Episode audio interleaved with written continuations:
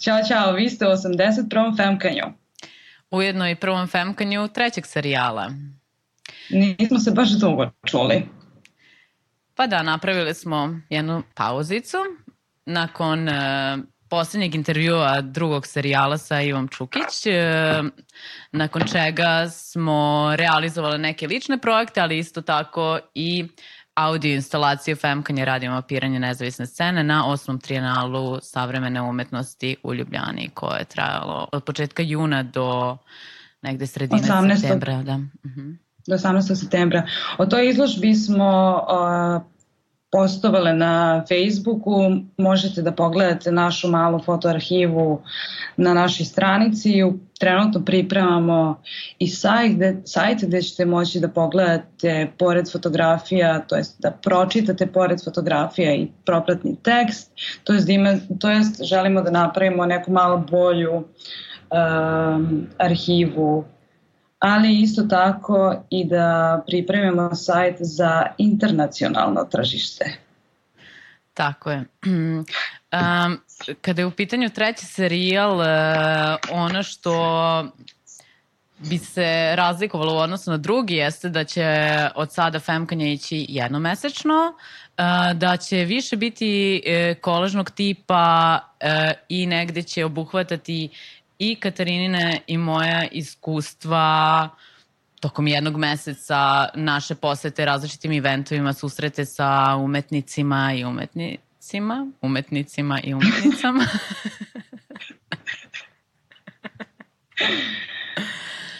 ali, uh, ali ova nova forma o kojoj mi sada govorimo nije uh, jedna sad standardna forma koja će se u, u će se Femkenje pretvoriti u trećem serijalu, već želimo da napravimo neki novi model sa kojim možemo da radimo u slučaju da...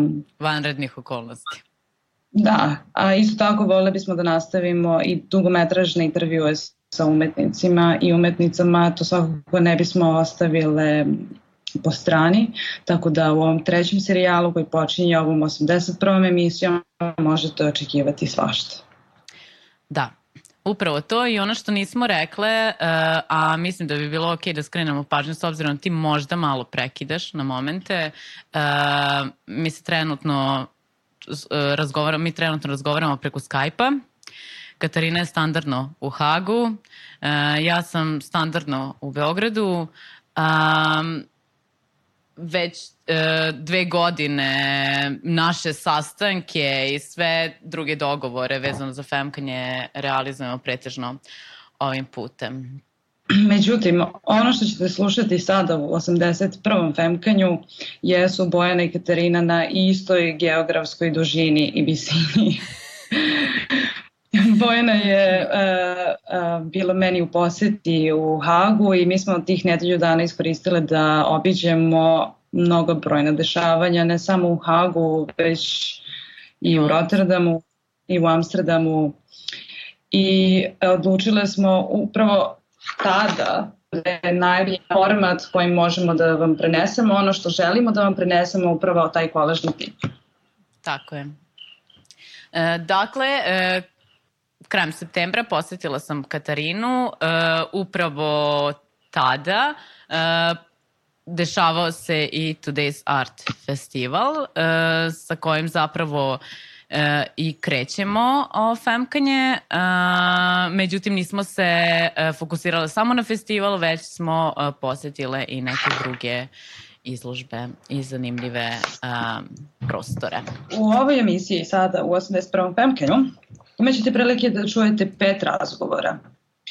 E, razgovor sa Norm Turato, jednom od umetnica koja je imala performans na festivalu Today's Art, sa direktorom festivala Olafom Van Bindenom smo također razgovarale i u nastavku, uh, u nastavku emisije uh, odlazimo sa Today's Art festivala, razgovaramo sa Michael Raumenom koji je uh, menadžer umetnosti, razgovaramo takođe sa Margrit Schoemaker koja je kustosica, jedna od glavnih kustoskinja u Stedelijk muzeju, više ćemo o tome nakon, a uh, poslednji intervju Poslednji kratak intervju je sa Johanom Gustafsonom i, uh, i to ćemo naknadno najaviti. Možda bi bilo dobro da uh, damo jedan kraći uvod u Today's Art i pustimo jedan isečak. Možda Bojana, eto ti možeš skaš malo više o tome. Da, ovo je... Uh bila 12. edicija Today's Art festivala uh, koja se sastojala iz uh, raznoraznih predavanja, live performansa, instalacija. Bitno je napomenuti da Today's Art predstavlja jedan od uh, glavnih i najposećenijih festivala u Hagu koji je okrenut uh, internacionalnoj umetničkoj sceni, ali isto tako i lokalnoj. Ono što je specifično i zanimljivo za ovogodišnji Today's Art jeste da je tema uh, u neku ruku identična kao Ne davimo Beograd i njihovim programima čiji je grad. Zanimljivo je da se ova tema uh, sve više provlači kroz uh, umetničke platforme i medijske platforme. To, na, to mislim, naravno nije koincidencija. Ono, to će Olof malo više objasniti u intervju koji ćemo kasnije pustiti, ali ono što bih volila da, da spomenem što, mo, što mi se čini da on nije tako eksplicitno objasnio, jeste da je Today's Art ove godine realizovan u samom centru Haga na na platovu uh, nekadašnjeg nacionalnog teatra koji je srušen sa novom gras, gradskom vlašću. Oni isto tako imaju probleme sa, ovaj, um, uh, uh, sa um, sa političarima koji uh, se brzo, sme, brzo smenjuju, brzo smenjuju odluke, ruše i grade i uh, kao reakcija, pošto je Today Art poprilično subverzivan potencijal, uh, potencijal festival, uh, um, oni su odlučili da probaju da festival realizuju na samom mestu uh, rušenja i gradnje u samom centru Haga. Uh, tako da je uh, u smislu produkcije ovo jedan od uh, manjih festivala koji su do sada organizovali zbog toga što se dešava jel, na javnom trgu i u samo dve, u samo dve zgrade, to jest na još dve lokacije, uh, Film House i uh, Teatr Den Spau. Um, ovaj audio isečak koji imamo spreman, koji će vam Bojana malo više sada objasniti, uh, se desio u teatru, u jednoj od sali teatra, uh, dok smo recimo drugi razgovor sa umetnicom Norom Turato vodile na glavnom trgu, ali uh, hajde da čujemo malo više o Mirjam Blau, pa da se vratimo i da nastavimo pričamo o Today's Artu. Uh, da, u pitanju je performans koji se odigrao prvog dana festivala 23. septembra. Mirjam Blau je multimedijalna umetnica, kompozitorka i performerka iz Montreala. Njena umetnička praksa a, pretežno se realizuje kroz a, a, zvučne i audiovizualne instalacije. A, performance Autopsy Glass a, koristi vinske čaše kao glavni materijal u uh, proizvodnji zvuka. Mi ćemo takođe na našem, u našoj Facebook najavi postaviti i link gde ćete moći da vidite i video. Uh, međutim, sada slušate samo kratak sound isečak, 3-4 minuta, pa se vraćamo u studio, Skype, naš Skype studio.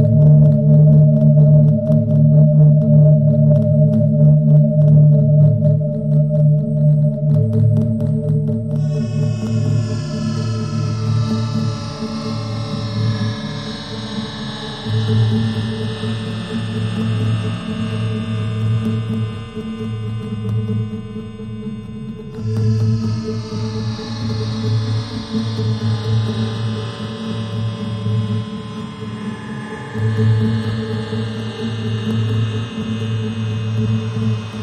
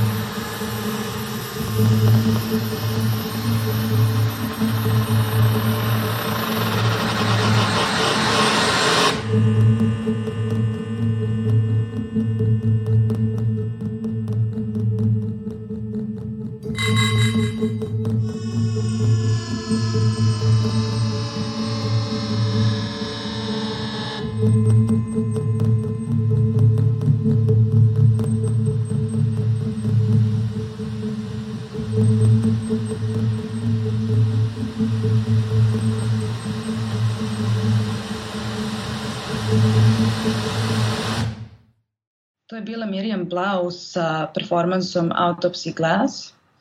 Ovaj, uh, kratak insert je samo jedan izdvojeni deo sa njen sa performansa koje ona izvala na prvom danu festivala, kao što je Bojana već napomenula.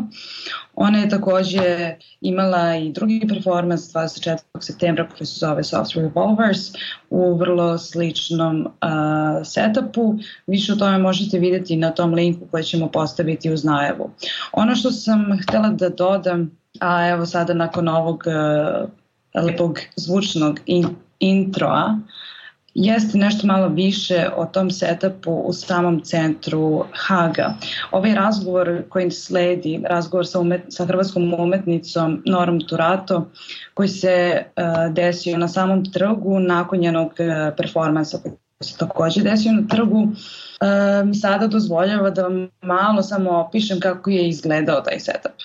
Um, Today's Art je pozvao um, tri kolektiva, ZUS, Collective Works i Refunk, da osmisle, odnosno dizajniraju sam centralni uh, trg u Hagu.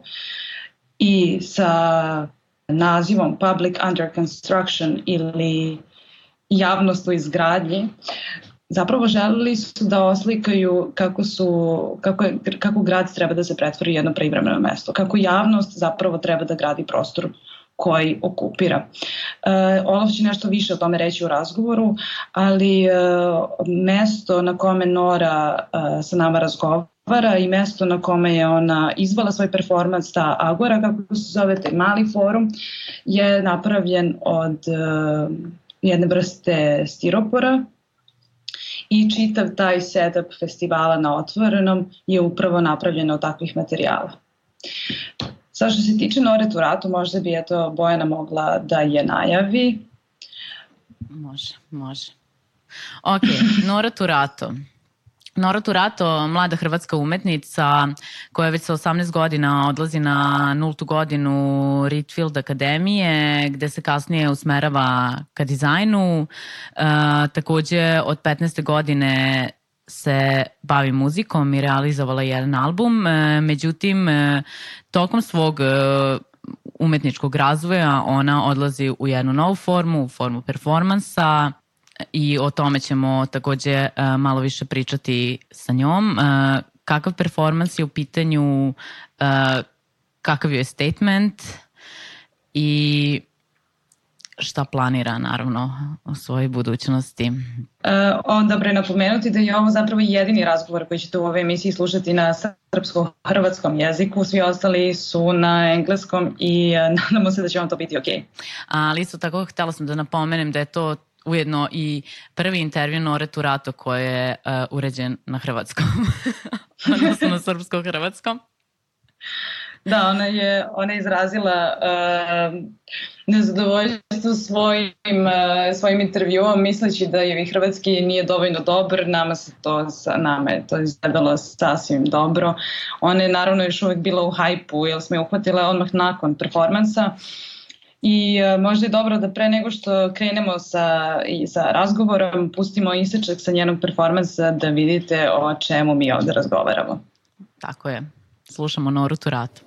No one wants to like any hipster or neoliberal, no one wants to identify as a white feminist, but maybe we can engineer this one to finally become cool Next thing you know, me and my girls will be installing all gender bathroom and pollutant-free compass bins, splurging our incontinent energy, wetting your exhausted soul, leaving you to marinate in self-pity next to a gluten-free booth. Is that okay?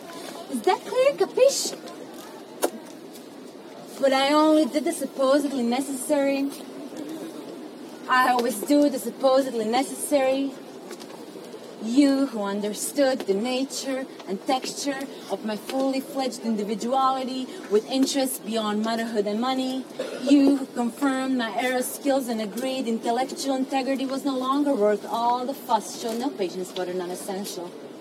You encouraged me to recognize my odds here this very moment and quit. You said you think I have a penchant for taking dumb sounding shit to rather profound extremes and asked me to join you in an attempt to demystify what's been up with me lately, why I'm acting so weird and sensitive all on about the fucking Bambi dear. I'm worried whether or not you're in a violation of a feel-good policy. You're requested to maintain a positive work environment in a manner that it's conducive to effective working relationships. Your advice to support a farmer, raise egg-laying hens, learn how to pickle the organic vegetables and grow avocado out of its pit. Only sporadically accept the scientific facts solely those based on experiments of the poor scientific quality. Make sure you suffer from constant lack of substantial praise that you'll seek to cure online. You're on your own, among your kind, the ungrateful, the stupid, the unkind. Only a male architect can enter a construction site and inspect his erection, so don't even try. They said they think I think too much. And that's what I all say when their patience runs out. You think you had enough? I think you didn't matter enough. All you do is a step up from not having it done. All you can think, talk, and care about is what I'm done with by now. You must not come to nothing. You must not come to nothing. You must not come to nothing. I told you so. I told you. Wake up. Let us off and it's boiling. These are not things. Are just stuff. Your pseudo spiritual narrative of failure and comeback fail. That shit don't add up. I glean nothing from your chatter. You might as well bark for all the human sense you made at night. People like you seem to come out of nowhere or to come from everywhere at once. Sell crazy somewhere else. You're so special, you might as well be dead, but you're not. You're so special, I sometimes think you're dead, but you're not. I'm here to offer you a sense of closure and ease. Finito, basta, done. Fucking real cool, the suck, despite the tears and all drugs. I'm the spirit strangely enough, you're a limited man with limitless energy miling in a little bureaucratic puff with deceptive lizard pure depths that don't exist. You smell this? This is the smell of everything between us breaking down. I know just how baffled you were, but this is how baffled we are. You who dueled your way through life and through, I wish I could dabble like you do. Resistance, gravity, human rights, love. Shoes, jeans, jewelry, phones. This is psychiatry, hon. Look at me. What I'm saying is we can't look at you. Allow me to say it allowing them sink to sink in through hell and not quite back. We've been through so much. Your willful inefficiency in my world of stained pajamas all through day and night. You're well advised to develop a sense of humor because it's pretty fucked up. Ono što mi je super zanimljivo kod Nore i kod uh, najnovijih performansa jeste ta, ta uh, smooth tranzicija iz muzike u performans koji je baziran na jeziku. Čini mi se da sam to slušala u jednom od intervjua koji postoje online, da uh, pored samog sadržaja ovih uh, njenih performansa, ono što je jako bitno jeste melodika jezika i to je ono vrlo, vrlo upečatljivo. Vidjet ćete zapravo u ovom razgovoru sa njom um, donacija u govoru je vrlo slična ovoj u performansu. Hajde da čujemo razgovor sa Norom. Prvo pitanje koje smo imali za nju je koliko puta si izvodila ovaj performans?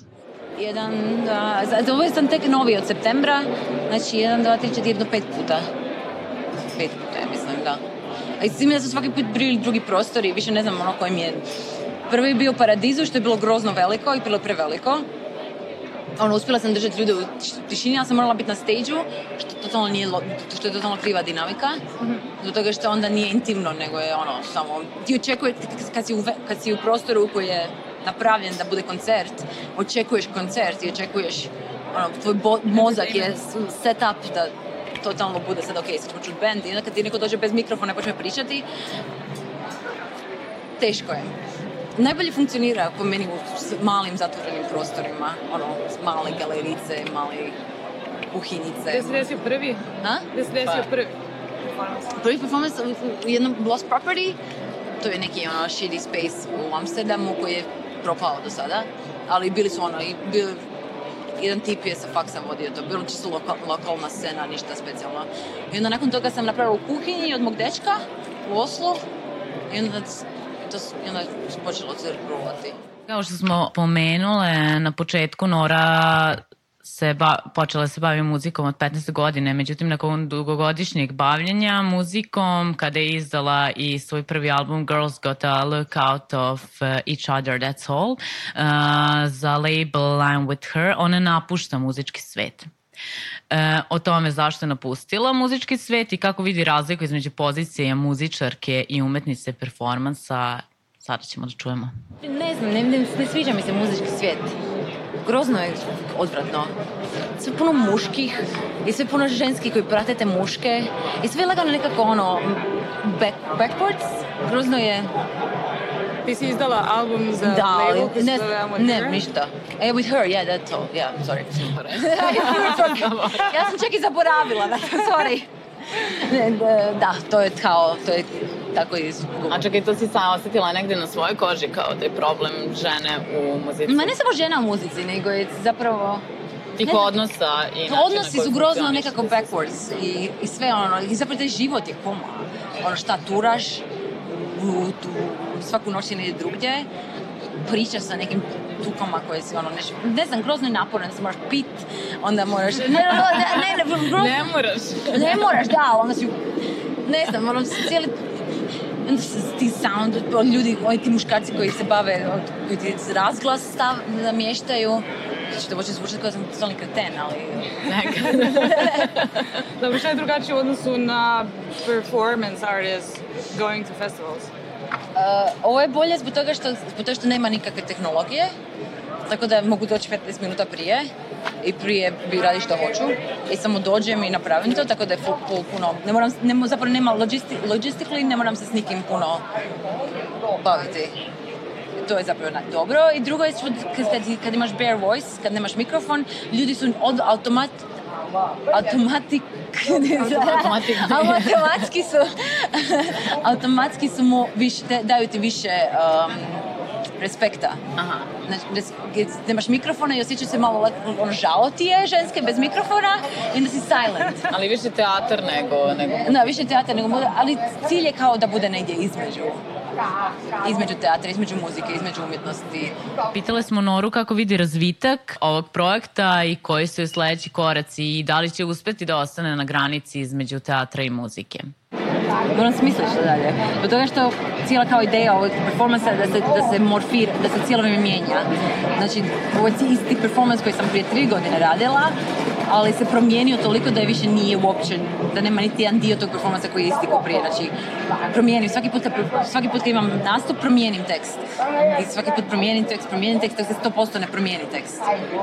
I dosta se promijeni, na primjer, prije je bilo više abstraktno, language based, sad je više ono insulting i opinion making. Da neke stvari koje sam slušala mi se činilo da je više to abstraktno, samo Ne, pa da, gomilanje da, tako, da, tako i krenulo. Se de, i s idejom da zapravo samo pričaš, a da je samo o teksturi što, što, da nije zapravo o tome šta, šta pričaš, nego da zvuči dobro.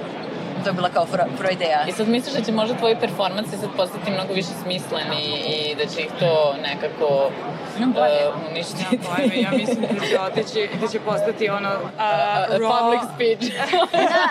Ne, No, public, ins, public insult. public insult. Ja, d- d- ne znam, ko zna šta će biti. Možda, će, možda ću završiti kao radi skulpture, možda ću kao stand-up comedian, ko zna. ne može. Ali ja dosta, dosta se relate, zapravo se dosta relatam sa, sa stand-up comedian scenom. Iako nije da sam dolazila na. Još jedna stvar koja me interesovala u razgovoru sa Norom jeste njena pozicija. Kome se ona obraća? Pošto je provela veći deo svog života u, u Holandiji, da li bi bila spremna i da li bi uopšte mogla zamisliti ovaj performans kao uh, performans koji se obraća balkanskoj publici? Ja sam dosta odselila prije 7 godina i ja ne idem često nazad. I nije da imam, ne bi bilo iskreno se baviti Balkanom. Mislim, dosta puno umjetnika, što mi grozno ide na kurac, dosta puno ljudi odeća iz uh, Jugoslavije u Europu i onda izgradi cijelu karijeru s time da pokazuju Jugoslaviju. A jebem ti mater, onda, da, znaš, ono, totalno- Jeste, ja sam čitao tako. Pa koja si ti generacija? Ti si 21. jako mala. A, Da si mala.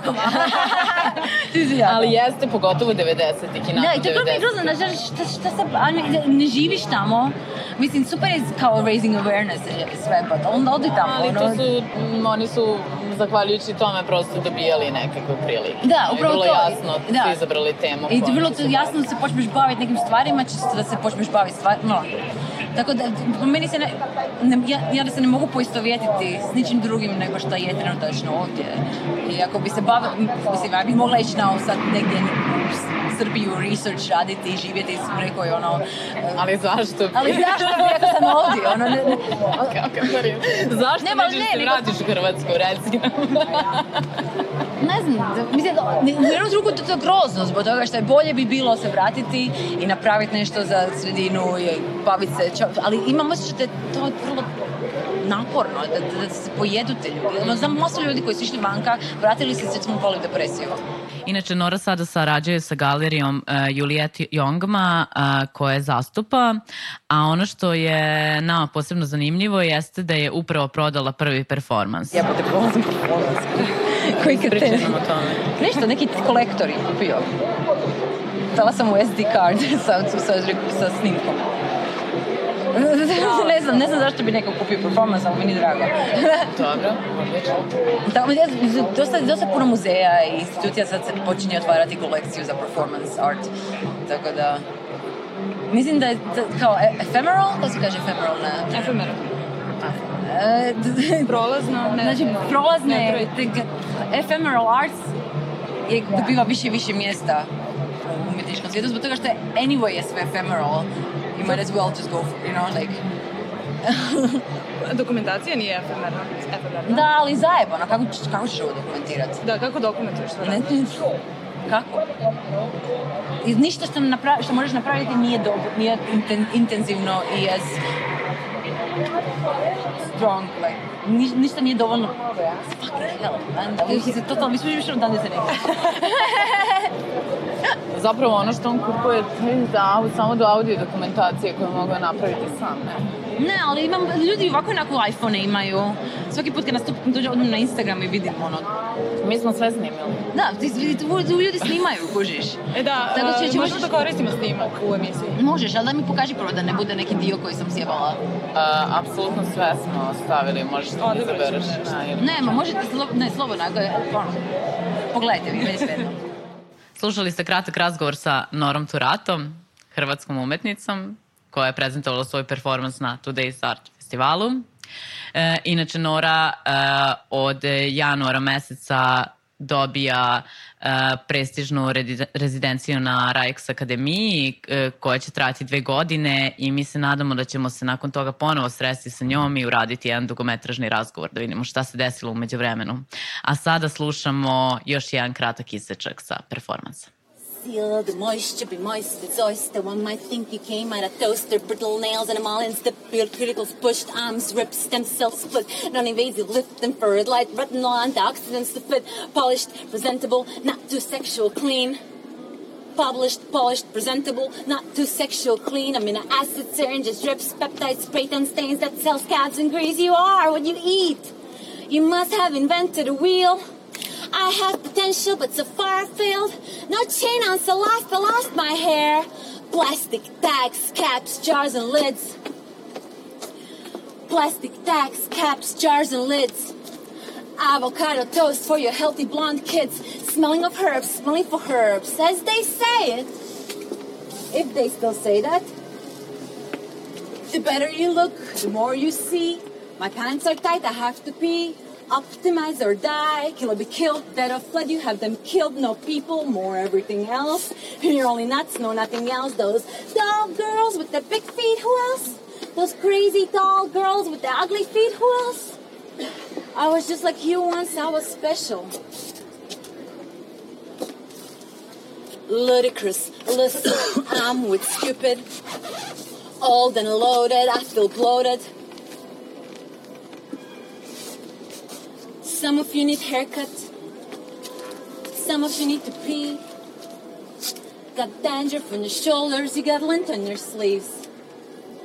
This is an act of radical feminist self-care, and I'm exactly as crazy as I seem. Politely persist as you recline my kiss. Politely persist as you recline my kiss. Politely persist as you recline my kiss. We are smart women. We like to talk about our feelings. We are chattering without cease. Tell me, I'm curious. I'm all ears.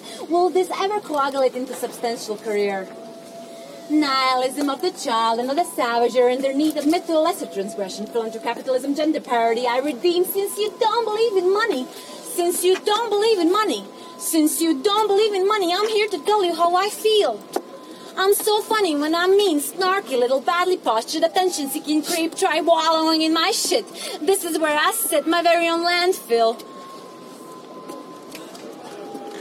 Ocean, farming, you foodie, you travel, age like banana, have a garden. I have nothing against your friends. Except the fear of being taken for one of them. They offer a safe form of self-discovery, good job prospects, a solid soil-friendly post-life management plan, as an attempt to assert their programs as modern and progressive governmental plan on a scale of worthy to worthless. They are their significant others and all the others wailing their way to some texture and gain, wailing their way to some texture and gain. How do you tell them stop and maintain a sufficient level of your so far so well established social grace? You're pretending to non-judgmentally listen. You've assimilated empathy for my innocent but neglected entitlement to what? To culturally congested free time entertainment and sense of security and trust. Look at me. I'm projecting something you might believe is a smile, but I fucking judge. I might have been born yesterday, friend, but I stayed up all night, right? Let me see you hang on to this one, so chop off your nails. Your life will start when others die, and once I fail. I know this makes you sad, but please get your ugly head out of your ugly hands. Your failure to move me, move me. Your failure to move me, move me. I own a crystal ball. Guess that I didn't see you would turn into a cunt. Thank you.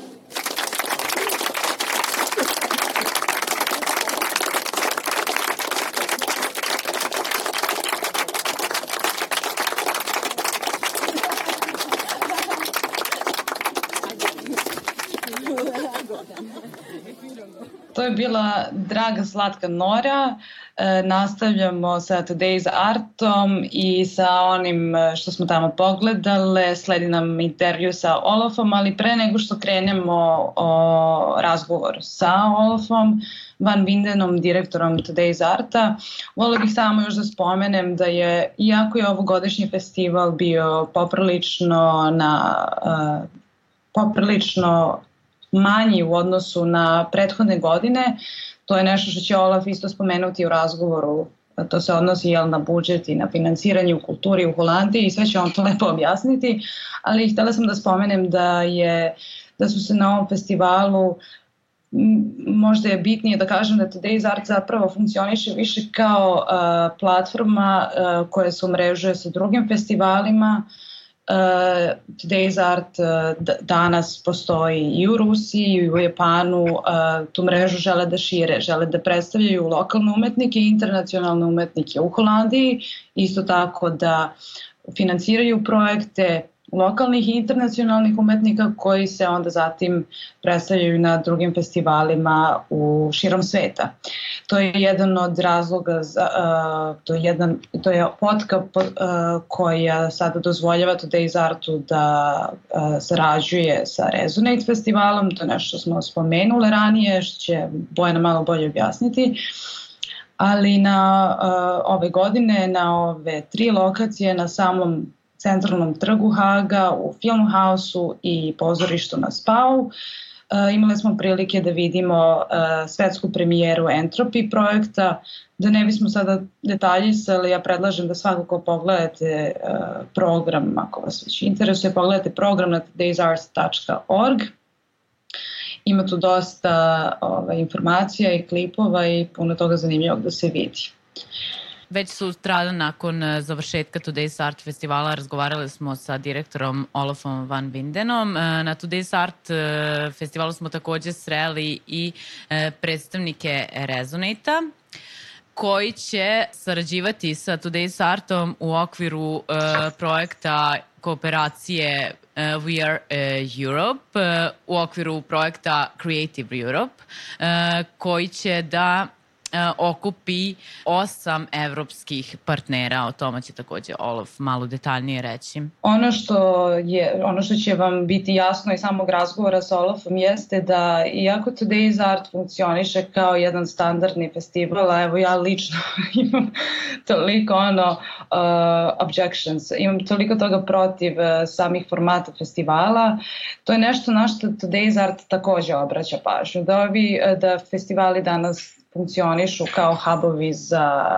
opet za profit, ali uh, Today's Art zaista želi da pošalje poruku pored, uh, pored same prezentacije radova i pravljenja nekog entertainmenta, to je nešto što nismo spomenule. Today's Art uvek ima klubski program. Um, pored svega toga, ono na što Olaf se uvek okreće jeste taj neki subverzivni potencijal jednog ovakvog festivala. Naročito što su oni uh, sad sa već ovo, ako dugogodišnjom tradicijom zaista uticajni na kulturnoj sceni, ne samo Haga, već i čitave Holandije. To je ono šta Olaf govori već na samom početku. Uh, 2009. godine uh, pokre, jel, postavlja temu um, konflikt, poziva Relju Bobića iz, iz organizacije Dispeča da mu bude... Uh, uh, da uređuje program zapravo. To je da napravi kustoski uh, okvir za festival time što će pozvati umetnike iz svih zemalja bivše Jugoslavije. Sad, u kontekstu Holandije to je zanimljivo zato što um, jel, Holandija je imala dosta um, svojih prsti u, u samom konfliktu, uh, ali je zanimljivo da uh, Olaf zaista preuzima um, rizik i dovodi uh, bivše jugoslovenske umetnike na Today's Art. On će nam o tome malo detaljnije reći u ovom razgovoru. Da, uh, to je nešto što sam ja znala ranije, to je, on je to ranije meni ispominjao, tako da uh, hajde da čujemo uh, kako Olaf započinje priču i šta on ima da kaže o 2009. I o njegovom odnosu sa Balkanom. Tako kreće priča. Uh, I'm going to Belgrade in, uh, in two weeks. I have a collaboration. I'll get my computer so I can look it up. With uh, LP Euro. Uh, it's an ensemble from Belgrade. Um, they play piano. Um, and we did a project together that we co-funded. And I invited them a couple of years ago when Ilya Bobic was making a program here in the festival. This was the year of conflict when I got arrested. And actually, my collaboration with the Balkan was part of the cocktail for my for me being arrested. I remember you mentioning that to me earlier. Yeah, it's not only the images we had, the campaign with bringing conflict close and hacking the 8 o'clock news, uh, but it had to do that I invited Relja Bobic, a friend within this partner network, he was doing dispatch, to make a program with, and I asked him, the, the curatorial framework was I want to have at least two artists from every former uh, Yugoslavian country. So one from Montenegro, one from Croatia, one from Serbia, one from Slovenia, etc. Or two. Um, and he made this program, and it was a combination of visual artists, performers, musicians. LPDO was part of it, but also some left-wing journalists who would open the night, like, okay, we have a special, it's curated by our Serbian partner, etc. Little did we know about history that the mayor of the city uh, who just came in office, used to be the uh, Minister of Foreign Affairs during the Balkan conflict. And we all know the position of the Netherlands with Srebrenica. So this made him freak out actually. This, there was the campaign, there was our messages that we were putting outside. There were the hacking of the 8 o'clock news and, and these uh, virals uh, that were quite aggressive. Uh, and there was a majority of my artists coming from the former Balkan region. So for him, this made the cocktail very dangerous. He was like, you know, in, in his time when he was Minister of Foreign Affairs, he had to deal with all kind of Serbian infiltration inside the ministries even. So he thought, he thought that this was uh, some kind of crazy infiltration or whatever. I had to go with the national after I came out of jail. I had to talk with the national crisis coordinator, and we had to go through all my program. And one act they took out that they wanted me to cancel, which was not uh, one of these. Um, so yeah, one, one thing that uh, uh, you know there was at that time there was even a, a coordinator working for the city here, paid by the city of The Hague. Uh, his role was to facilitate cultural activity between uh, Serbia and um, and Netherlands because The Hague specifically had a very, very, very, very bad image. Like in the same time we came out with the, the conflict uh, campaign, Relja sent me the cover of a magazine, of a, of a um, Serbian magazine, or Croatian, Serbian, I think. Uh, really like a respected magazine, like Elsevier here or something. And on the front page, you saw a swastika, and the swastika was the H of The Hague, and it said Haag. So this was the, you know, there was tension politically. There, there was, uh, and and then I played with this topic, uh, and this was quite intense. Yeah, What year was this? 2009. Yeah, and this campaign, so I was arrested by Secret Services, three days in jail, a lot of PR around it. Um, I became became the conflict curator, of course. So for my PR, it was good. Uh, a lot of heavy reactions from all the directors of Stedelijk and Rijksmuseum. They wrote a letter to the mayor, protecting art. Say, don't touch our colleague. You know, he's a he's a curator. Uh, he's paid by the city, and, and you should know him. Uh, uh, but on top of it, this is the city of peace and justice. So you better have to deal with this because this topic will come back over and over again. So really, I pled like let this man free. Um, and then this came on top. And then the year after, the campaign one was was nominated for the Dutch Design Award. So it all turned out well. But uh, that's my relation with, uh, Oh, but you mentioned with uh, this part of Europe. you mentioned that one work was requested to be taken out. Did you take it out? No, no, I didn't take it out, and it was not. Uh, um, uh, the work from Serbia, Croatia, or, or it was from a French choreographer, uh, and she had. Uh, uh, is it okay? Yeah, that's fine. You're gonna Standard, cut. Um, so uh, no, it was a French choreographer, and she had a, a, a dance performance in the atrium of the city hall.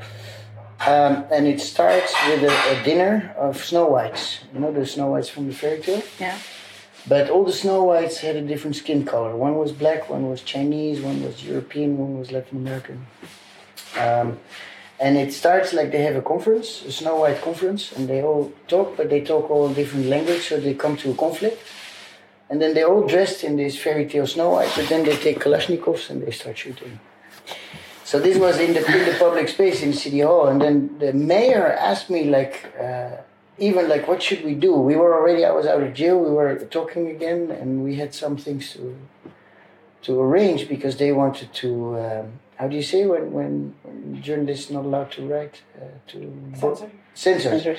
This was censorship. So I told them, you know, if you don't mention anything with the PR that is already over my arrest, if you don't mention anything, there will be 200 people. If you cancel this, I will have 20,000 people at my festival because this will be big news about censorship. So I said, it's in your hands. I actually want you to cancel it. But they did. I nakon uvodne priče o Olafovim uh, odnosima sa Balkanom, uh, pitale smo ga da nam kaže nešto malo o samim početcima Today's Art festivala, o tome šta ga je iniciralo i kako se razvijao. Da, hajde da se vratimo na početak Today's Arta. Uh, this was uh, uh, almost already 15 years ago in The Hague. Uh, I was I was here uh, studying uh, at a hotel school, um, something completely different. Uh, but I was involved in the more underground squad scene where Bunker Records, where you know, they, uh, uh, also with, with students from art science, which in these days were, was actually more some, some kind of even uh, underground faculty of the academy. It was not even inside the academy. It was completely different. Uh, no one understood what they were doing, but the academy was like, "This is cool," and there you go. So I, I knew as a as a young person here, not coming from the city, but just coming to live here because of hotel school, that um, uh, there was a lot of talent from all over the world, and a lot happening underground. But the image had such a bad image, and uh, we ourselves would go to Rotterdam uh, in the night and come back. Um, so every weekend because there was nothing here. Park van Troje was closed for renovation. It took a long time. There, were, there was a lot of squad activities. We were involved ourselves in them. And everyone, and that's also mentality of the Hague, everyone was complaining. Like, oh, nothing. And um, I had a business education, and I my first job was um, in the Netherlands, but in the United States. And but after a year, I was like, let's go back to the Hague and uh, let's try to work something out. Let's try to organize something. The idea was simple: once a year, show to the world what talent the Hague would have, combined with the international talent that you would see at the big festivals around the world. Uh, and specifically not the pop music festivals, but I noticed back then that there was something changing in the arts. That it would, that it became more blurry between performance and visual arts, and you know, the whole thing of the interfaculty, um, and that it's not necessary anymore that the visual arts is in the museum and the performing in the theater. And that it, especially uh, uh, traditional cultural institutions were not paying attention to it and not staging it. So I realized there's something happening in the arts, there's something happening in the city, and let's stage it to some to, to an event that showcases this innovation, this technology, this. Uh, um, and it started off as an event called uh, uh, Culture Night, because uh, Amsterdam and, and Rotterdam had museum night. But I thought let's take it wider. Let's not just focus on museum, but wider. And let's not do from top down. The museum opens its door, puts a DJ in the bar, and that's it. Let's program it. Let's put, because it's culture and, and not just museum. Let's take NDT and put that in in the in the Park van Troje in the club, and let's put the visual artist on stage in the Anton Philipszaal, and let's make an installation there. And Um, and then Jazz, uh, so I did that two years and it was a big success. Back then it was like every cultural institution in the city, so I had 45 venues. I even had buses going to the Museum. They would stop on, on Plein 1813 and students from art outside were, uh, were in the trees with projectors and we had the, the windows blinded, so it was a drive-in with the bus. Or we had performances with pole dancers in, in the bus dancing on the pole. It was crazy, crazy times. Uh, 45 venues, my God. Um, uh, and doing big shows with, with students also, like, and that was the exact goal. You have the headliner, which is with Chihoten or whatever, and, and large scale projects with art science. You probably know what we did with Structet, with, with all these 25 musicians on the uh, stairs of the atrium. You know, this is a project that is 50,000 euros and you have zero guarantee that it will be a success and you have zero guarantee that this will even draw one person because it's not a headliner. But fuck it someone has to do it and that was the mentality. Let's let's make this mix of headline risks experiments and to show an audience something new something they won't see somewhere else and give the artists a platform where they can dream and where we have the we know how to get funding. And i'm happy it goes to this field and not to another uh, orchestra that is overfunded. So this was the start. It was quite underground uh, but uh, always mixing from deep underground hardcore techno with a k versus ndt quality. And this was also i wanted to have all the disciplines dance, theater, visual arts, uh, uh, even further in design, architecture, from academic to popular, put this in a shaker, and that, that would be today's art. Um, Nosy Jazz Festival left to Rotterdam, and I wrote a plan to the city that I said, fuck jazz, fuck classical music, fuck film. That's already distributed in the world. We know it's Montreux, we know it's it's uh, uh, Nosy Jazz, but now it will be in Rotterdam. Don't even try to compete with another lullig uh, jazz festival. So I said, let's do a festival for art, music, and technology for what's happening now, and let's look at the big old structures like Transmediale and Ars Electronica that are also already quite old school because they're also 25 years old. Let's see what's going on now and let's stage this. And I got a quarter of the budget of Jazz, and that was the start of today's art. And that continued to evaluate. And some one journalist asked me recently, like, do you feel a lot changed? And I think the, the basic philosophy is still there. Like, we, we didn't move to Amsterdam. So many times the city asked me, you're an international festival, why don't you, why, why, why don't you continue in Amsterdam? But I think I want to feed a, a community I want to, I'm very aware of our position in some kind of ecosystem which is very international also and very local at the same time. Uh, and, and we are, I came from a niche like in the beginning, the city who was funding me didn't understand what we were doing. Is so nerdy and so niche, and uh, how do you even get people for this? And uh, and, and now 10 years later i see the same artists that were present in my festival are now doing shows at MoMA New York or at Tate Modern. You know, Ryoji Ikeda was here six, seven times, uh, you know, when he was still releasing on Starplat. And, and he was performing here for 500 euros, and now he's doing the Triennales uh, with budgets of 500,000 euros. So you see that, that it, it uh, you know, we were on, on something and uh, this evolved in this network of festivals also around Europe that we are now collaborating with with some that I was really looking up in the beginning. Like Sonar was here in the festival. Two directors of Sonar were here and they offered me a stage at Sonar. At today's art stage because they said they really liked the, the scale this year, the, the, the focus, and and that it's not only digital and that we take risks of you know entropy was a show that was not finished but we said here's a deadline you have to do it. And we also okay there's potential we can continue. Sonar cannot do something like this. And they said if we have a stage like today's art on sonar we can put all the experimental shit in there and we can blame you for it. And i was like Perfect. this is what i want Takođe vezano za kolaboracije koje Today's Art e, ostvaruje sa različitim e, partnerima. E, pitali smo Olofa e, da nam ispriča malo o e, najnovijem projektu We Are Europe koji okuplja osam evropskih partnera i koji je podržan od strane Creative Europe. U pitanju organizacija velikog muzičkog festivala i profesionalnog foruma sa temom evolucije i budućnosti kulture. It's a, uh, it's a second European project that we do for multiple years with, with multiple partners. Uh, before it was a bit more with Club Transmediale and Future Everything.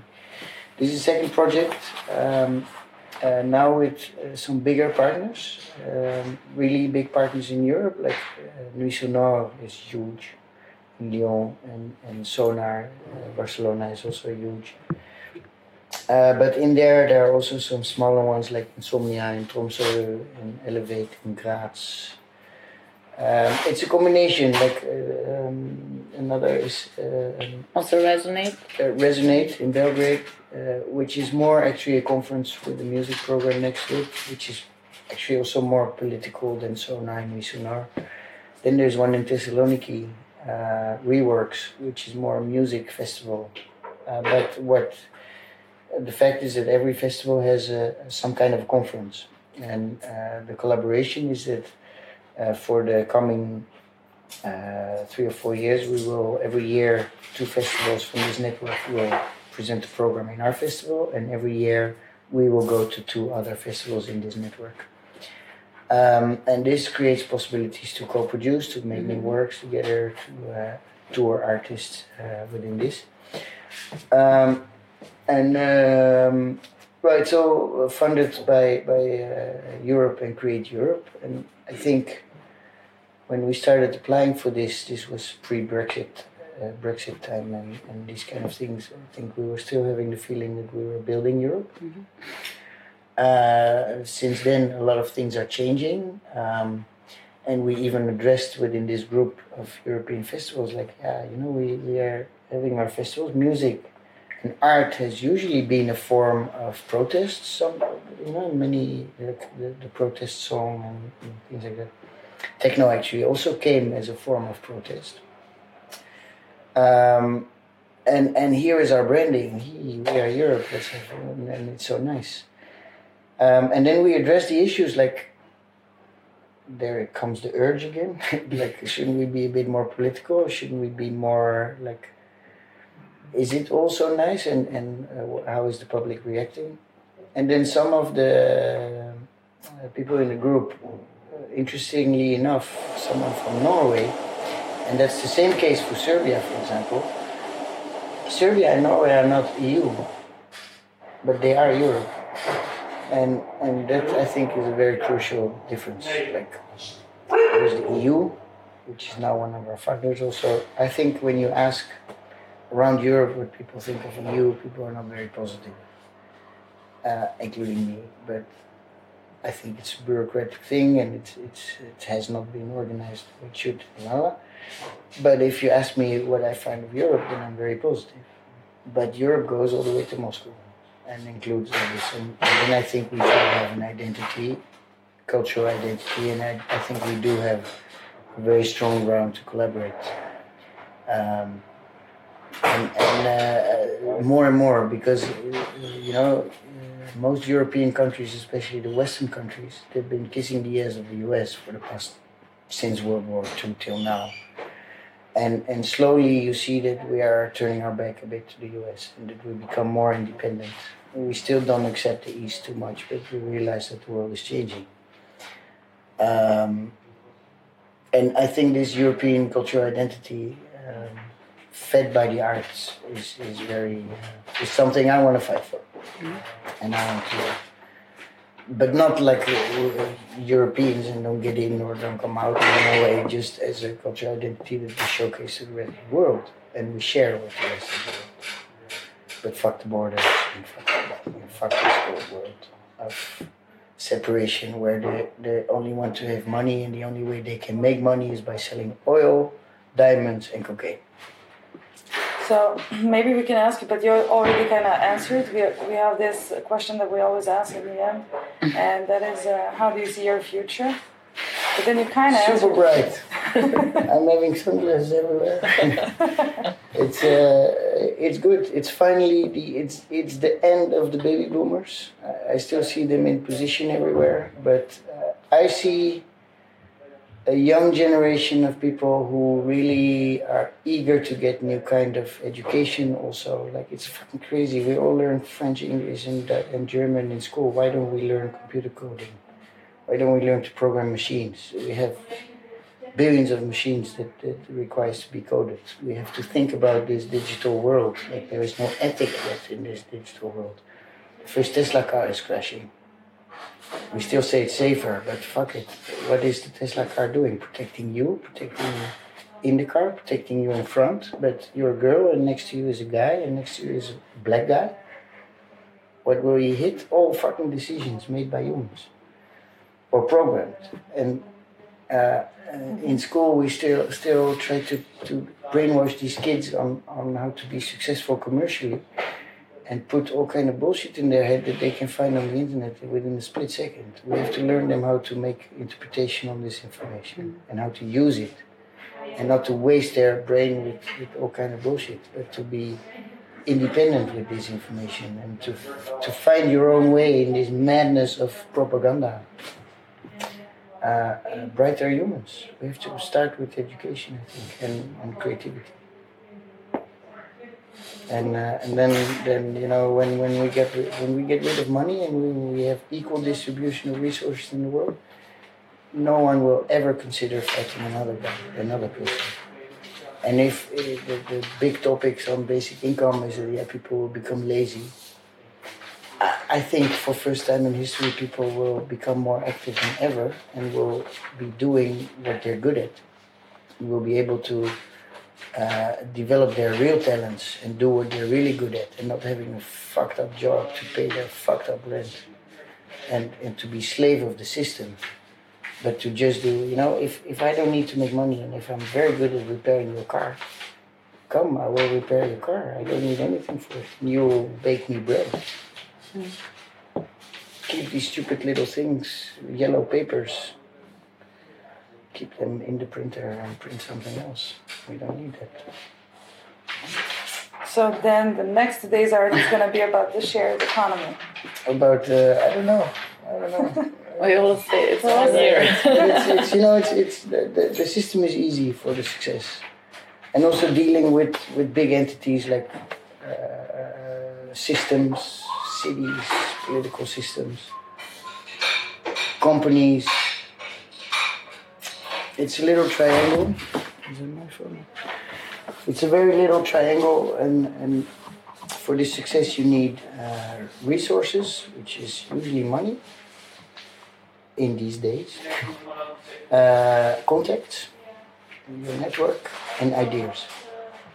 And the problem what we have in on the creative sides and in the arts is that we have the ideas, but no contacts and no money. On the business side, they have contacts and money, but no idea. If we close this gap, we're there. Thank you. Yeah, thank you for uh, hosting us and having some time to talk to us. I guess you were really busy recuperating now after everything was Uh, done. It was an easy ride. I was saying this morning normally, and that's for all of us. Don't even mention the name today's art for another three weeks. We don't want to see each other. We will don't want to. Uh, you have to disconnect, and then you can start a little bit. But we had such a good and smooth and nice edition with good vibes and mm, nice things happening. All the rooms full. The, I think we had to ask one person to leave the Spijplein on Saturday because he was too drunk and harassing people. But everything was mixing. The skaters, even the, the Moroccan kids. You also had a protest join you on stage. Yes, yeah, yeah, yeah. This was uh, the mayor called on Thursday, and he said it's a small protest. I can also ask them to come on Sunday. I said, Are you crazy? I. I will give them the microphone. They can go in the agora. Perfect. This I want to give them a voice. What What's your point? What's the point you have to make? police didn't want to cross the line to let them in, but it was I knew they were coming, and uh, I loved it. It was one of the highlights. People came to me like, "Did you organize it?" no. no. A great coincidence. All right, thank you, and have a. I wish you a good disconnect now for a few weeks. It's gonna be good. And some good work after that. Ovo je bio jedan malo duži i veoma zanimljiv razgovor sa Olofom Van Windenom, direktorom Today's Art festivala. Mi svakako željno iščekujemo saradnju Today's Arta i Resonate, radujemo se dolasku Today's Arta i holandskih i internacionalnih umetnika u Beograd, isto tako i širenju mreže Resonate festivala. Potpuno smo sigurne da će, da će ono što budućnost ova dva festivala i čitave mreže Kreativne Evrope doneti, e, sigurno smo da će doneti puno novih divnih produkcija, kao što je recimo bila ovogodišnja produkcija Entropy projekta, ali mi smo tek na pola puta naše emisije. Da. E, tako da smo sada došli do našeg e, narednog intervjua, nadamo se da se držite uz nas. E, naš sledeći sagovornik je Michael Roman, e, prijatelj koji um, se bavi art managementom. I ovo je sad nešto što uh, je i Olaf spomenuo u, na samom završetku našeg razgovora o tome da je dobitna kombinacija, to iz njegove perspektive, dobitna kombinacija da se poveže biznis i art. On kaže biznis ima novac i kontakte, umetnici imaju kontakte i ideje i ako spojimo biznismene i umetnike, to jest biznis i umetnost, dobijamo jednu win-win situaciju gde ideje i kontakti iz umetnosti dobijaju novac da se realizuju. E pa Michael Roman kao menadžer umetnosti stoji tačno na tom raskršću. Da, e, nakon e, Today's Art festivala jedno popodne smo proveli sa Michaelom u pivnici. E, tako da će to moći da se čuje u samom intervju, malo je bučno, ali uh, je razgovor uh, veoma zanimljiv i smatramo ga veoma značajnim, uh, jer je zapravo Michael, uh, ne znamo toliko puno uh, art menadžera, a u Srbiji ne znamo ni jednog. Da. Uh, Možda znamo neki koji bi volili da budu art menadžeri, ali u Holandiji zaista postoji umetničko tržište i postoji zaista uh, potreba i potražnja za menadžerom. Da. Za menadžerima.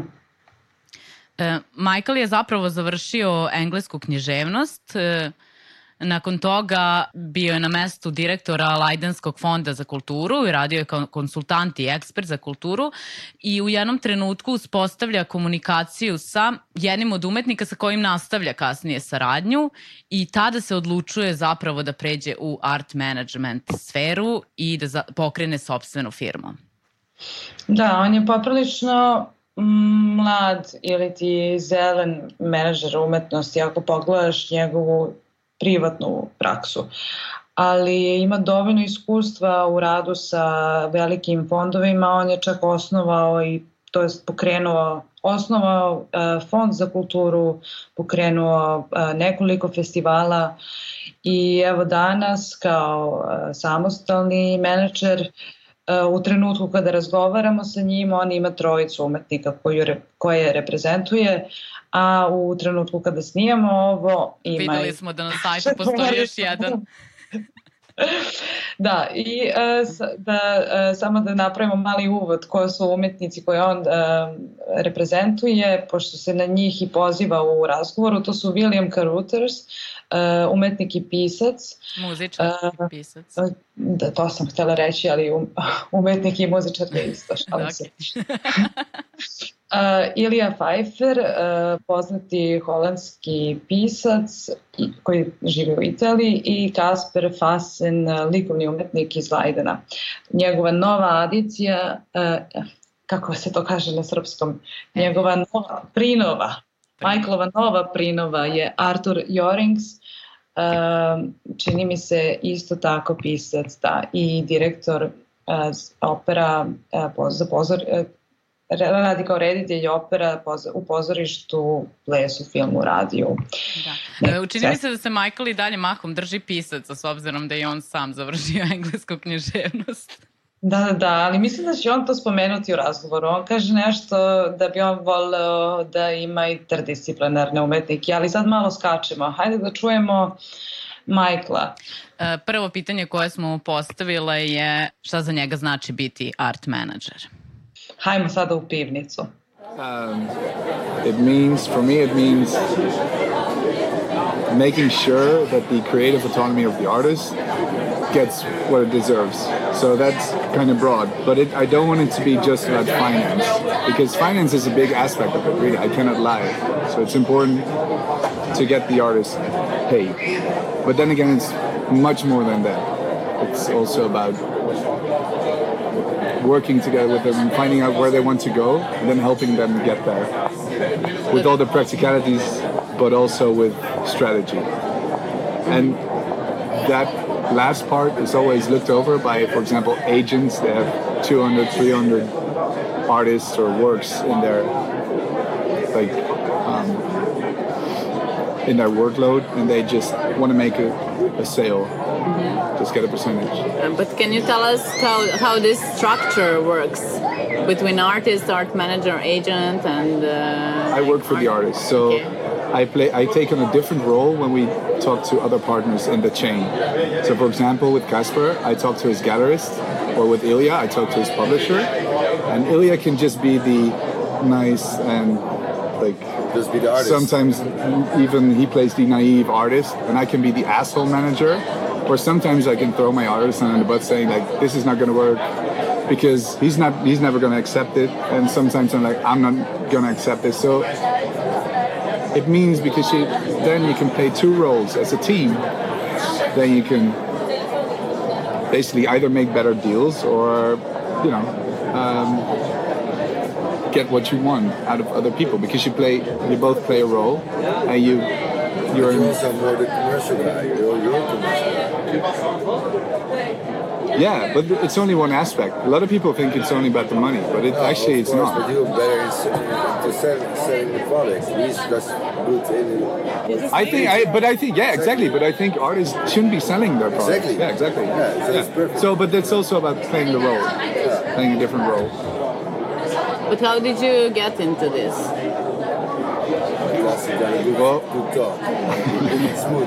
I don't have any creative talent of my own, but I love the art, so okay. I can talk and get money. No, no, it's just I was the director of the of the Fund for Arts and Culture in Leiden, uh-huh. and then Ilya, a writer that I really love, and he's quite famous in Holland. Yeah, he won some big literary awards, and he needed help because there was all this shit coming at him. He was just stressed out. He wanted to write, but he couldn't because there was so much stuff like everybody and he's just he's a very nice guy so he said yes to everybody. And he needed help.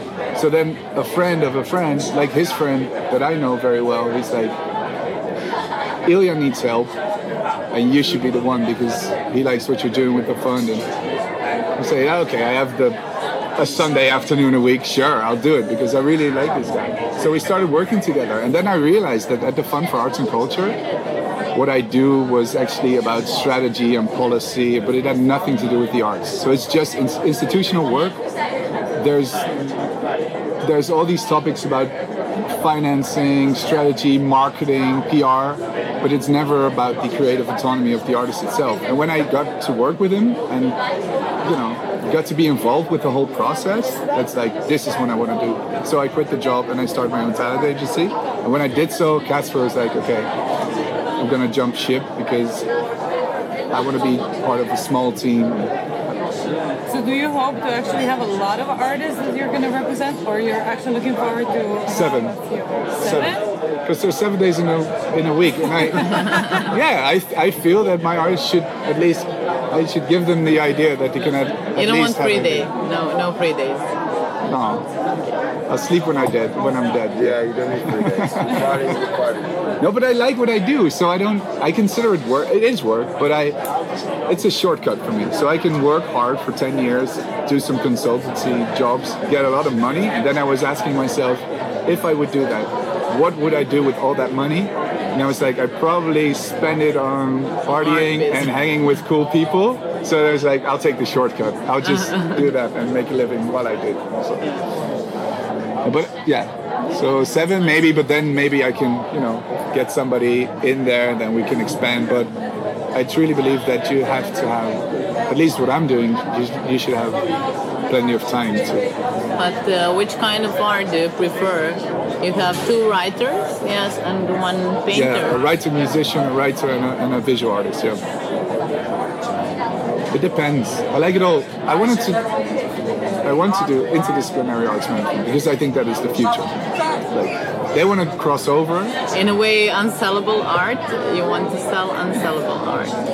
Is there such a thing? It's a good question. You want to sell unsellable art. Is there unsellable art?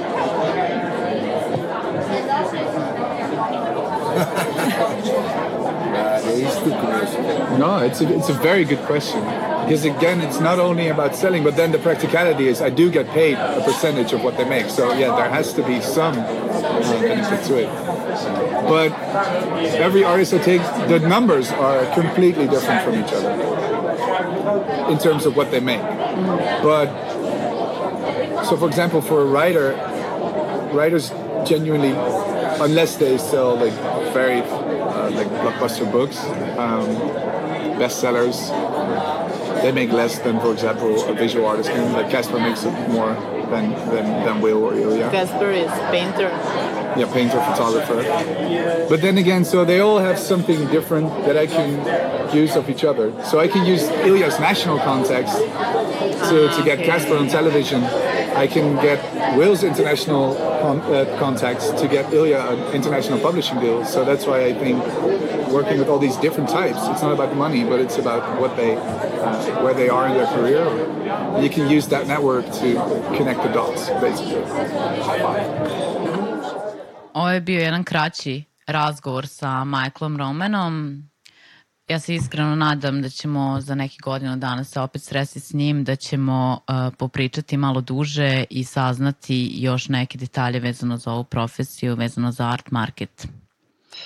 Da, nadam, nadamo se da vam je bilo zanimljivo čuti ove detalje o tome kako pisci zarađuju manje od uh, likovnih umetnika, kako to menadžeri umetnosti uh, zapravo menadžuju, kako povezuju kontakte sa različitih scena.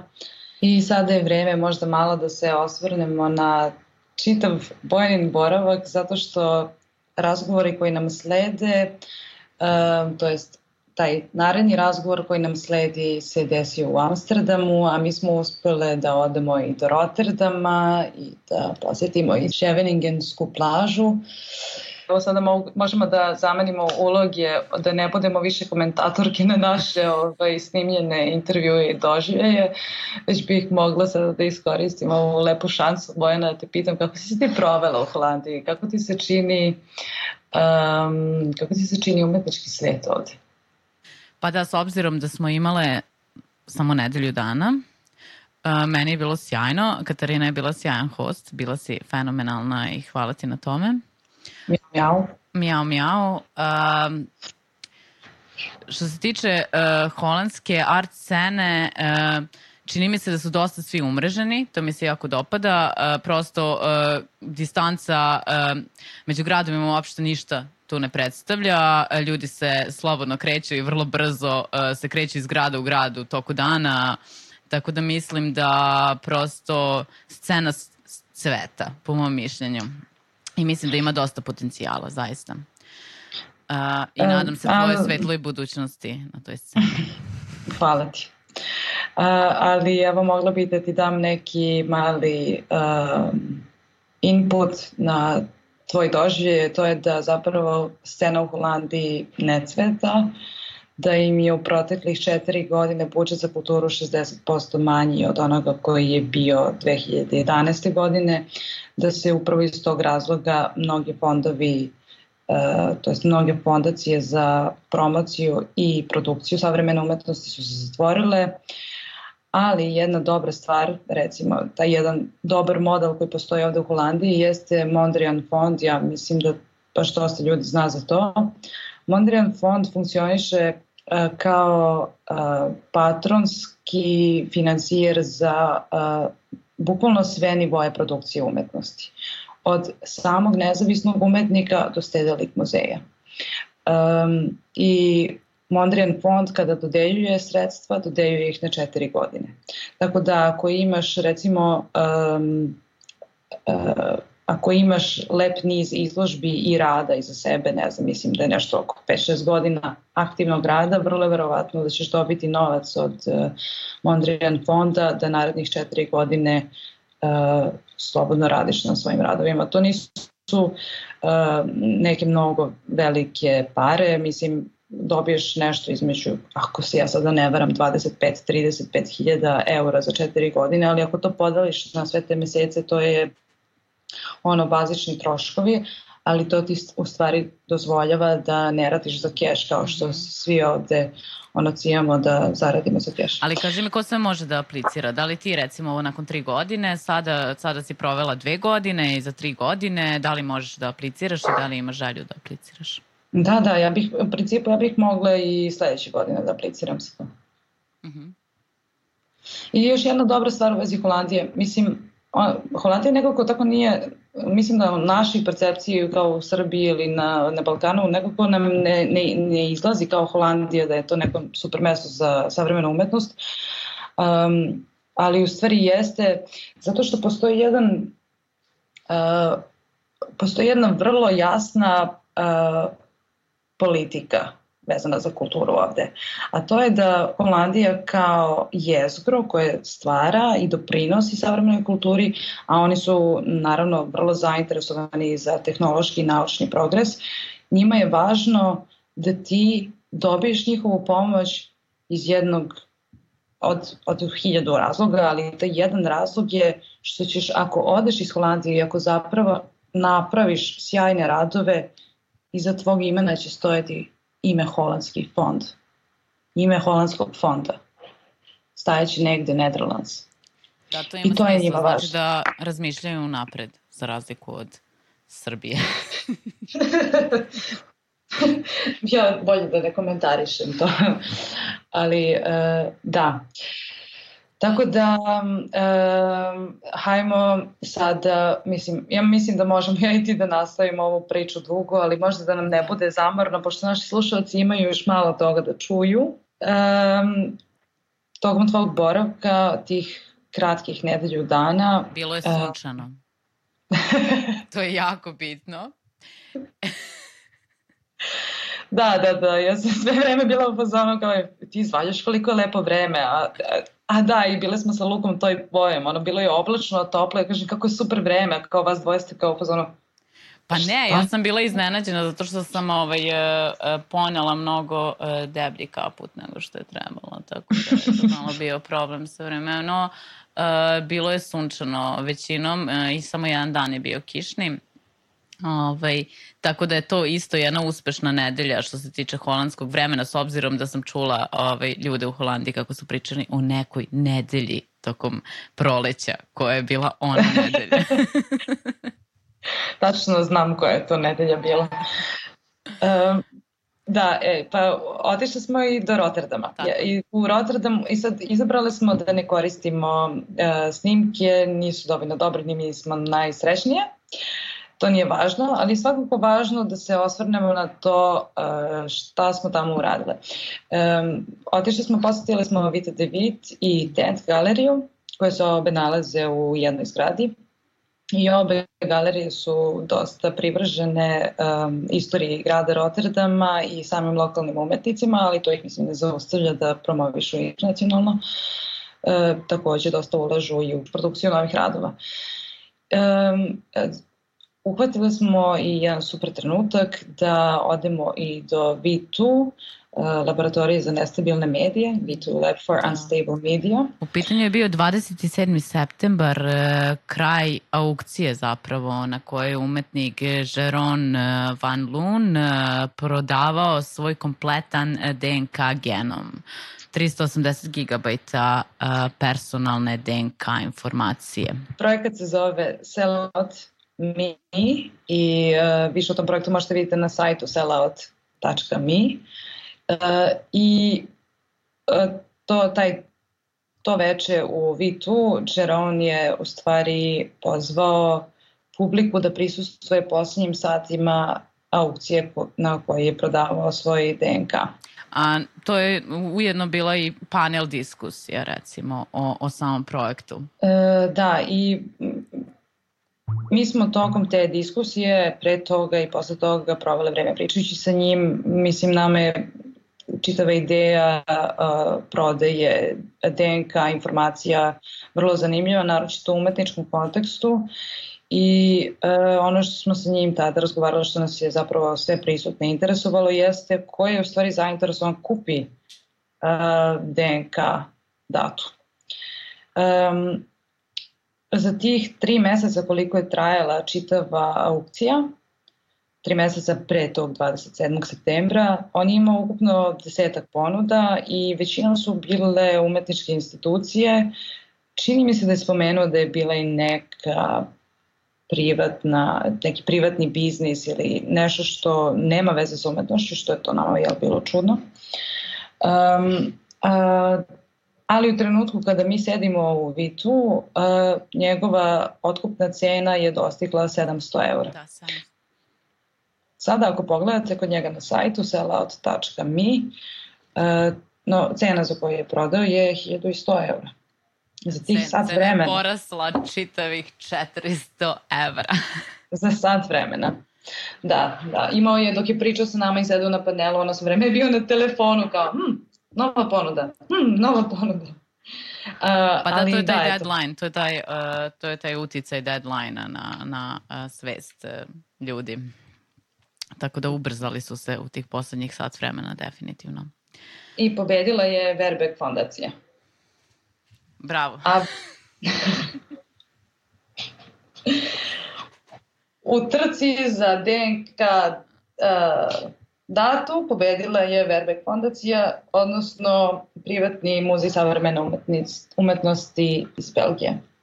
Sad se Tako pitamo da, samo na koji način će oni to iskoristiti. Pa ja kapiram da su oni otkupili čitav rad tako kako izgleda. Eto, nismo opisale, ali svakako ako pogledate na sajtu vidjet ćete već kako izgleda ta postavka.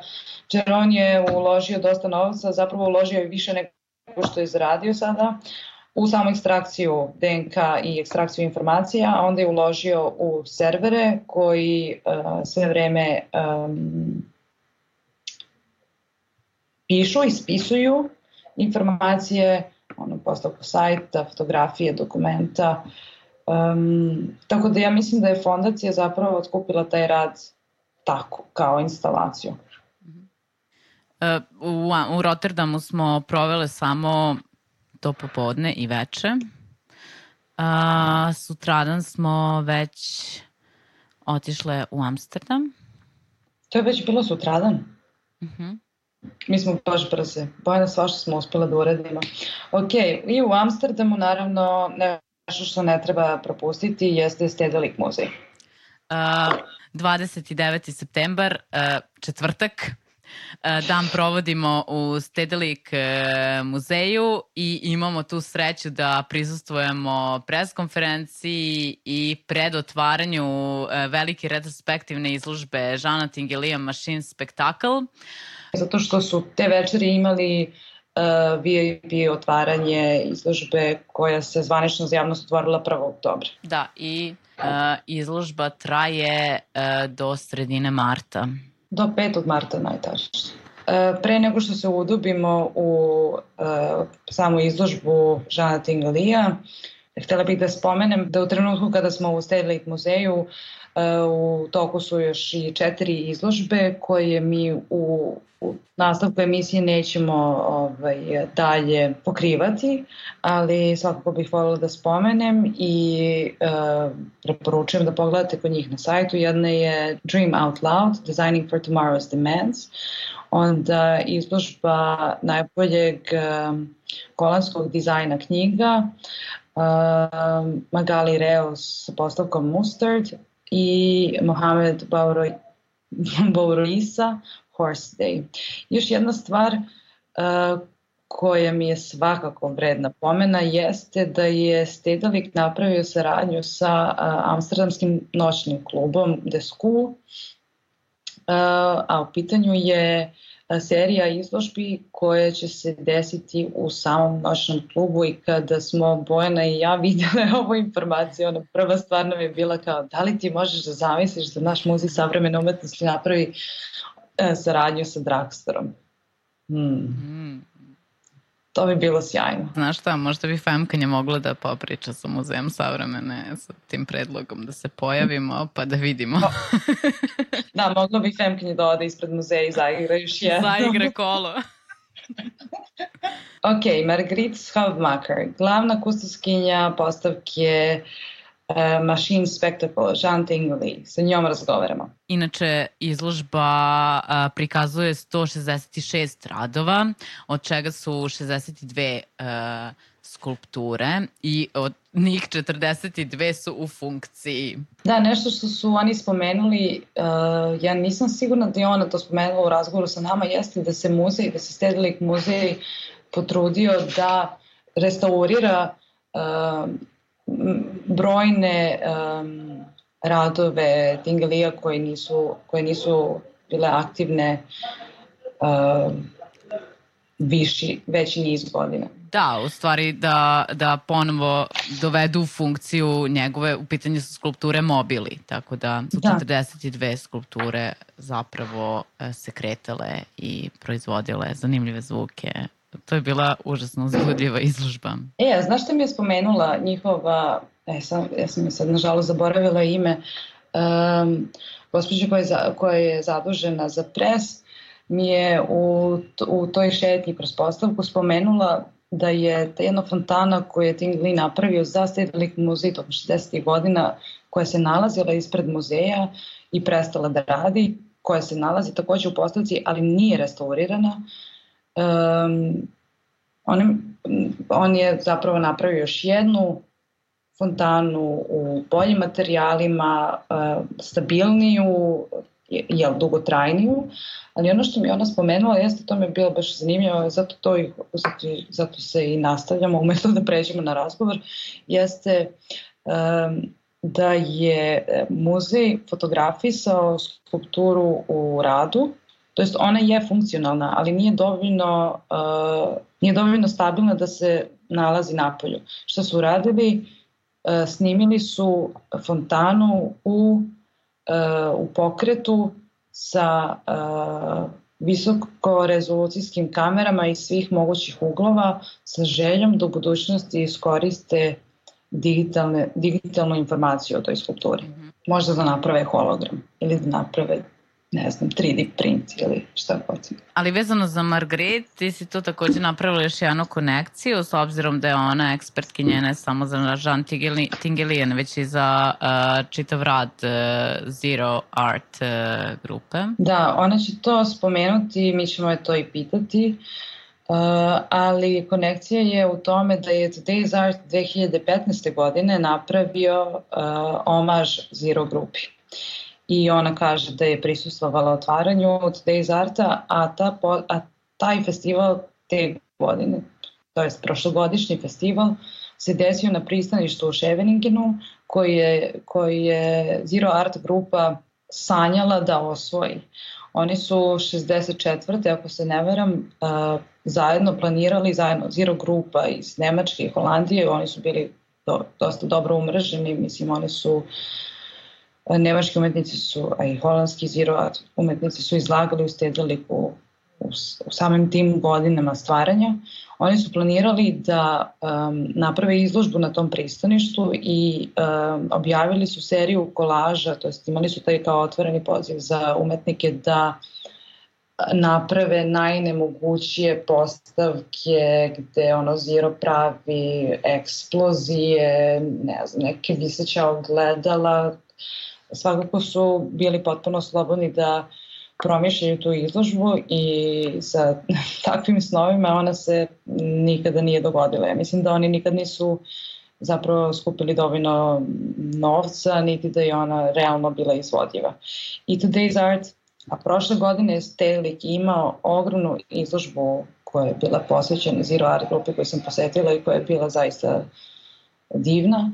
Um, uh, Today's Art iskoristio uh, taj momentum Zero Art grupe i posvetio uh, festival Zero Art grupi i napravio festival na pristaništu. Tako da uh, na kraju nije da ja pravim konekcije, nego su stvarno konekcije svuda i uh, iako se čini da je Balkan tako daleko i da su svi ti kontakti sa, ne znam, savremenim stvaraocima na različitim nivoima tako udaljeni od nas, u stvari samo malo da zagrebeš, shvatiš da, da je sve vrlo povezano i da, da Ili ako zagrebeš malo u 70. i 80. u Srbiji, stavio da bi moglo da se, da se, da se nađe takva da, da informacija. Da, takođe, takođe. Ok, i stižemo do razgovora sa Margrit Shavmaker, uh, glavnom kustoskinjom Zero Art izložbe i Žantin Galija, uh, prominentna um, radnica u kulturi. istaknut teoretičarka koja već duži niz godina radi za Stederlik. Završila je uh, istoriju umetnosti i filozofiju na univerzitetu u Amsterdamu i uh, odbranila svoj doktorsk, svoju doktorsku tezu um, Lonely Images, Language in the Visual Arts of the 60s na istom univerzitetu u Amsterdamu 2007. godine. Slušamo razgovor sa Margrit. We announced you already. yes. good, good. Yeah, yeah, yeah. And we said that you're the main curator of this exhibition. Yeah. One of the largest retrospectives in the last 30 years. Yeah. And we found a nice coincidence because uh, in the past few days we were actually visiting Today's Art. Oh, I was there too at the opening. Yes? Yeah. And uh, we talked to Olaf and yeah. we talked, we mentioned the last year's um, Today's Art at the yeah, pier. with Zero. Yeah, we did it together, yeah. So we found it a nice coincidence that you were actually the curator of Zero exhibition yeah. last year. Um, so could you maybe tell us um, a bit of, a bit about both exhibitions because Tingley yeah. was a part of the Zero movement, right? Yeah, yeah, absolutely. Um, yeah, when I started working on the Zero exhibition, for me it was so fascinating to see that there was a big network at that stage, you know, that and that artists were communicating, they saw correspondences between their works, between their experimental strategies. Mm-hmm. And for me, communication at that time was of course much more hard than right now. But I I went into the archives and then I saw also the, uh, the major role of certain artists like Yves Klein, uh, but also Tanguy. And I became fascinated by him because I knew Tengli only from the fun part. You know, you push a button and then everything starts to move, and oh, ha ha ha, how ironic. And that is why he was so much more than that. He was so conceptually driven. He was so much questioning, I think, uh, basic laws that ruled in the art world, like authenticity, unicity.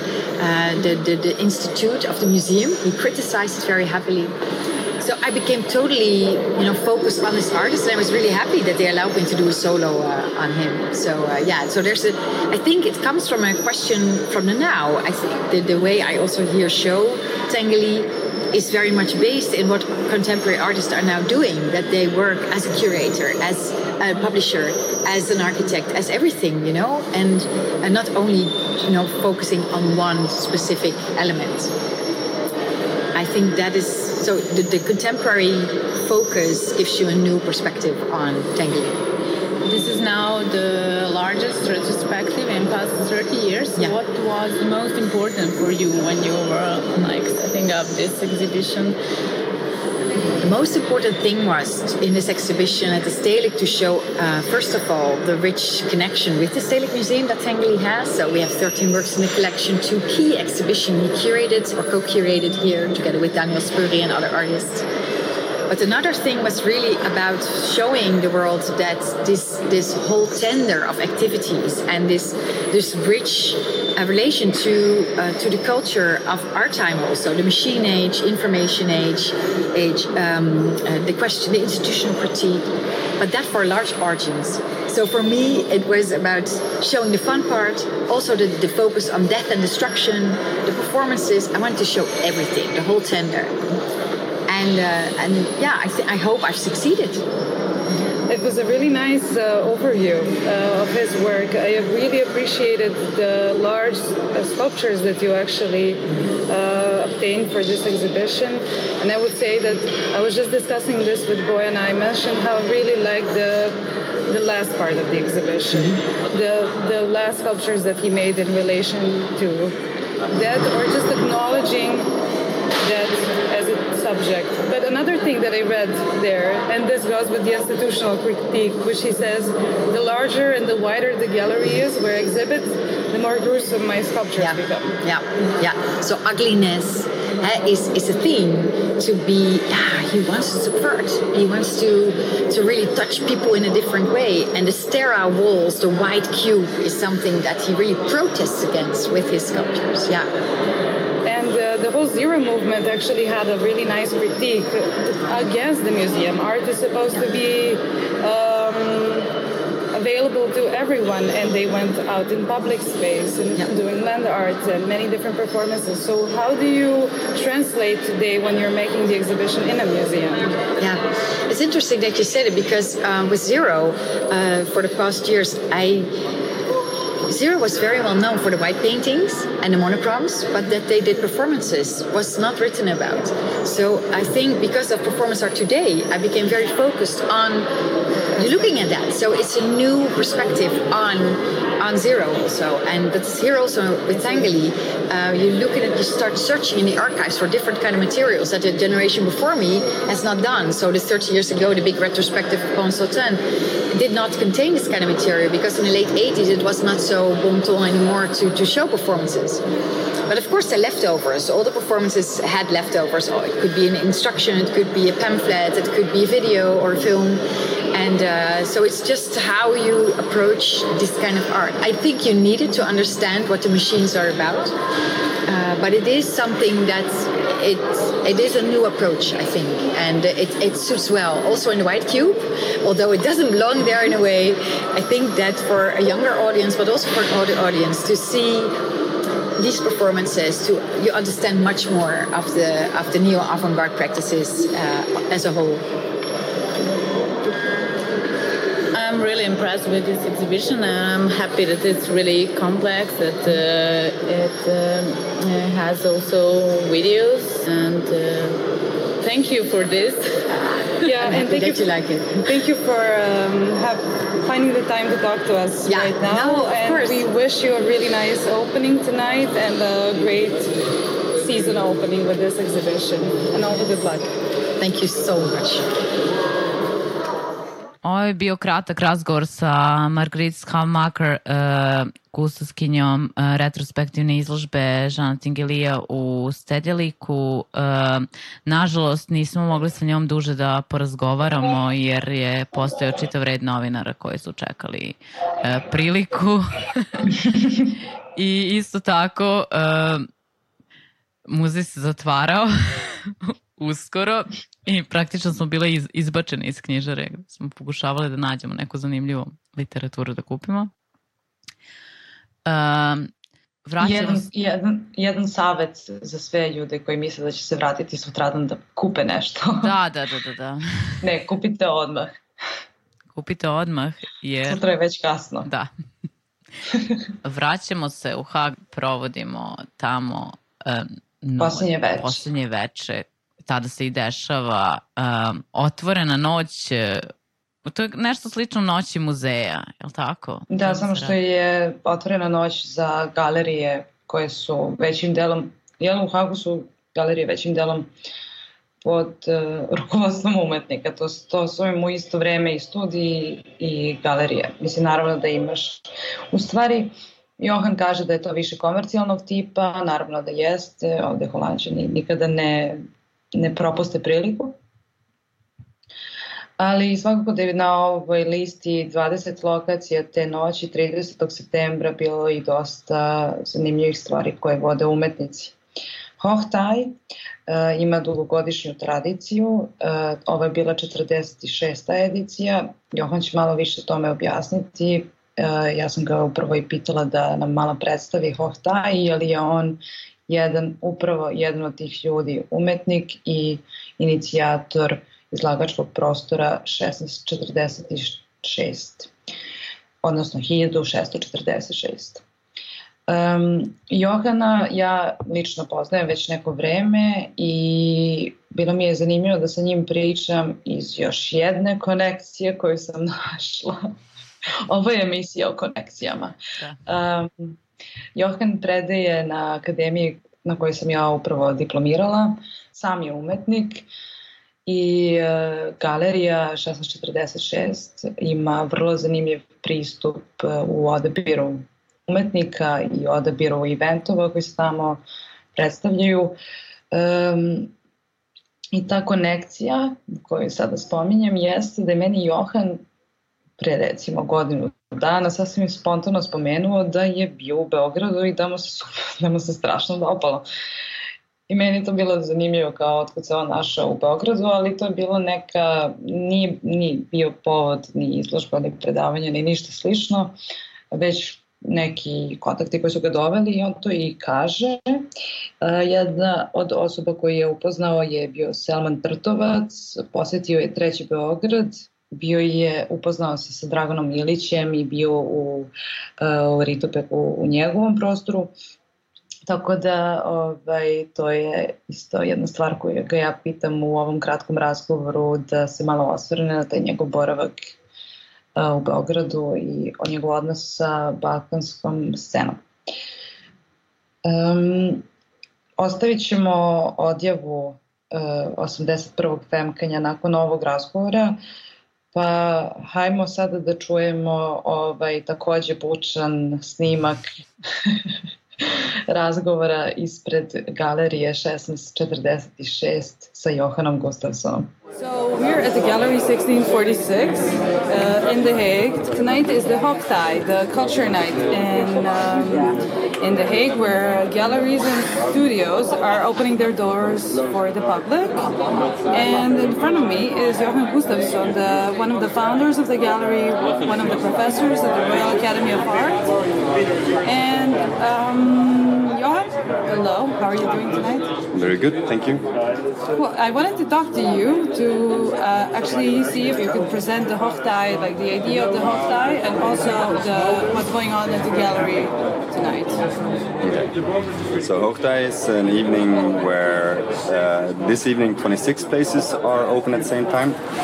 Some of the more interesting galleries of The Hague. Uh, we don't have a very strong um, commercial gallery scene, uh, but we have a, quite a strong alternative scene in The Hague, um, where artists run spaces that are supported and people that are not supported are running quite interesting programs. And uh, four times a year, there's something called Hoogtij that has been existing for, I think, 15 years already. Um, uh, everybody opened their door from on a Friday evening from 7 to 11, and normally people gather somewhere else uh, with an after party. And people take their bikes, um, biking around, having a beer, seeing a show, and then to the next place, and then the next place. So it's like a, a bar round, but then with art. Um, cool. And what are you presenting at 1646 tonight? Uh, we have a Danish artist called Christian Falsnes. He is an artist that is now based in Berlin. Uh, that we saw works from I think five years ago and got really interested to in his work and his practice. Um, 646 in general just makes solo exhibitions, and um, tonight we're showing a few works of his.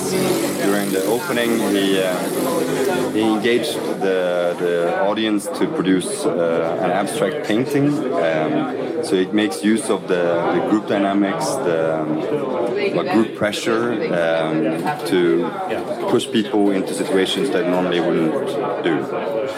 And in the back, there's a work where the first visitor of the day, every day, has to produce the work. Uh, so they're confronted with uh, one of the members of uh, the staff uh, that says, "Okay, welcome. You have to produce this work today, otherwise there's no work."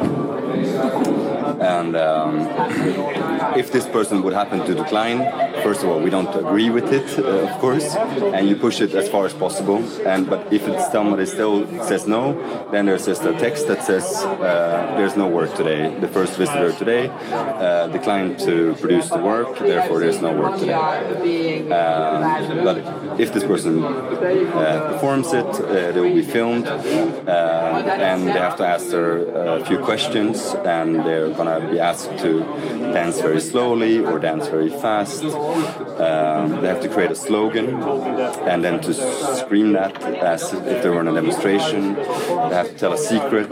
Um, they have to. Um, Okay? And now, um, when you're ready, run back into the picture and cheer wildly.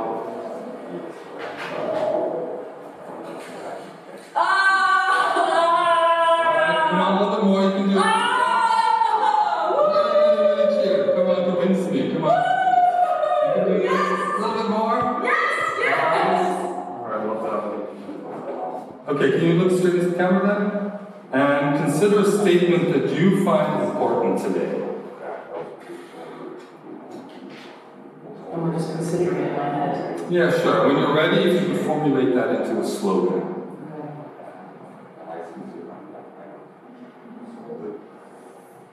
Take things as they come. Okay, very good. So, so that's also your slogan, take things as they come. Uh, okay. Okay. Yeah. Um, all right, so if you could just look into the camera and if you could just uh, uh, chant the slogan repeatedly and rhythmically.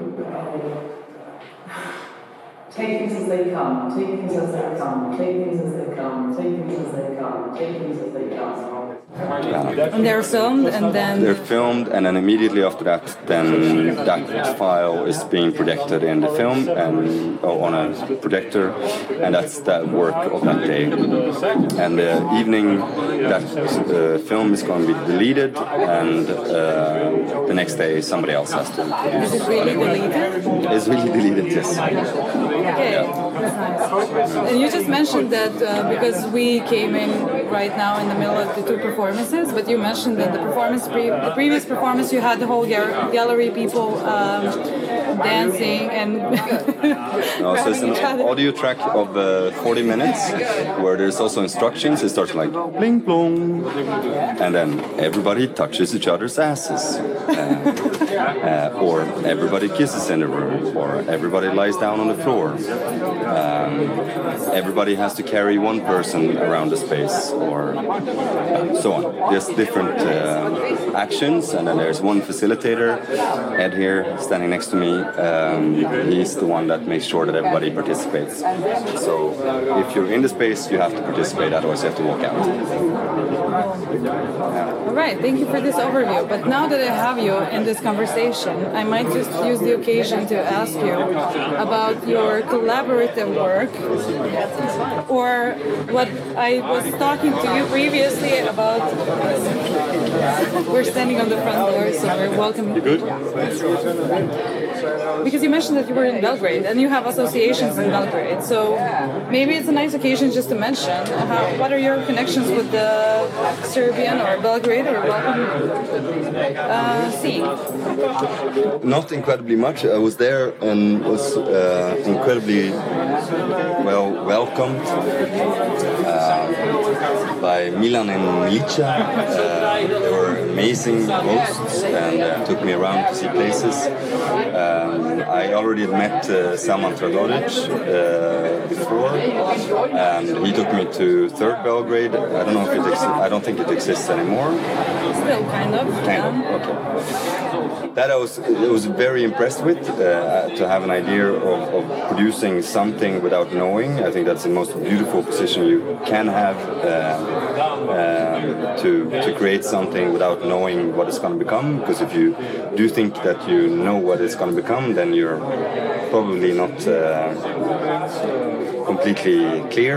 Um, Can you actually work like that? Yes. no, but the beautiful thing was because we went there first day and the day after we went to Dragan Ilic, uh, and he is a very different type of character, uh, and he showed us around in his museum uh, that he was building at the moment, and well, yeah, it was kind of the opposite of, of, uh, of each other. So uh, yeah, it was a really fantastic experience, and I had a really a lot of fun with Dragan Ilic as well. But, uh, but he has a very very different approach to to how to to do things.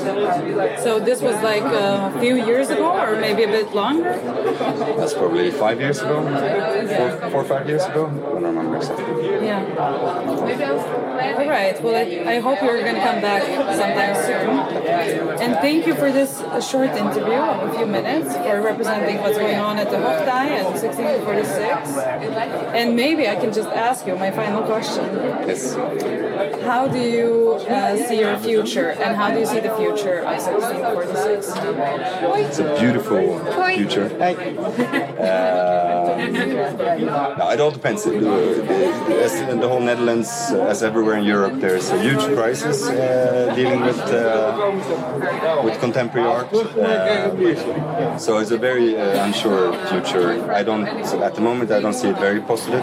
But uh, things always evolve, and things always do become better. And we can learn from history that things, even though we see dark clouds in the sky at the moment, there's definitely gonna be a, a better future. Thanks, and good luck tonight. Thank you. Ovo je bio razgovor sa Johanom Gustafsonom ispred galerije 1646.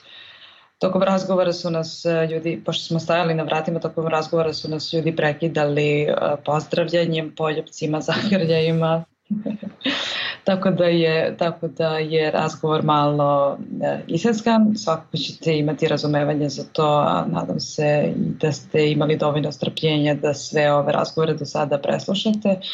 Ja sam eto samo htela da se osvrnem na to što je on rekao, na to moje posljednje pitanje, kako vidi svoju budućnost uh, i na njegov odgovor da je vrlo nesigurna budućnost, da se on svakako nada boljoj i to je ono što sam ja ispomenula u razgovoru o Holandiji i njihovoj sceni, jeste da, da zaista stvari ne izgledaju tako sjajno i iako imaju dosta uspešne umetnike i um, centre, nek, zapravo iz malo bliže perspektive stvari nisu tako sjajni. Meni je baš drago da su eto dvoje od, to jest dvojica naših sagovornika u ovoj emisiji to i napomenula.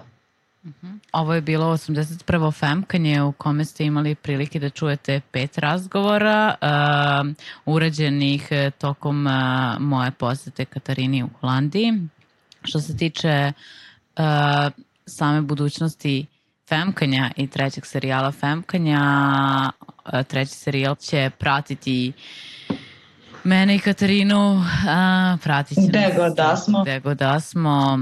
A, saznaćete za mesec dana gde smo to bile, šta smo radile, sa kim smo pričale. Dakle, jedno mesečno, jedno femkanje. Da, nadamo se da ste uživali, da smo vas lepo provale kroz uh, sve ove različite uh, umetnike, događaje i teme. Uh, za kraj smo vam spremile još nešto, samo još nešto malo, nadamo se da se držite tu uz nas. A to je snimak sa Scheveningen plaže. Da, e, smatrale smo da bi bilo ok da završimo sa ovim snimkom i da vam prenesemo atmosferu uh, sa Ševeninginske plaže gde je bilo jako vetrovito, gde smo imale uh, komunikaciju sa galebovima. Možda bolje reći okršaj sa galebovima. Okršaj, mada okršaj nije snimljen, tako da imamo samo intro pre nego što će se desiti finalni okršaj, a vi možete da zamišljate šta je posle bilo. U stvari, uh, da, da, možda, možda stvarno treba reći, uh, pratio nas je roditelj Galeb sa svojim malim Galebom koji je bio jako gladan i roditelj je sve vreme se uh, trudio da nam ukrade ostatke hrane, a onda i piva. By the da, way, dok je, dok je Mališa pokušao da skrene uh, pažnju svojim um, svojom pesmom u najmanju ruku. to ćete svakako čuti. Da, e, odjavljujemo se, slušali ste 81. Femkanje, nadamo se da ste uživali. I hvala vam što nas slušate. Ćao, čao. Čujemo se sledećeg meseca. Ćao. Ćao.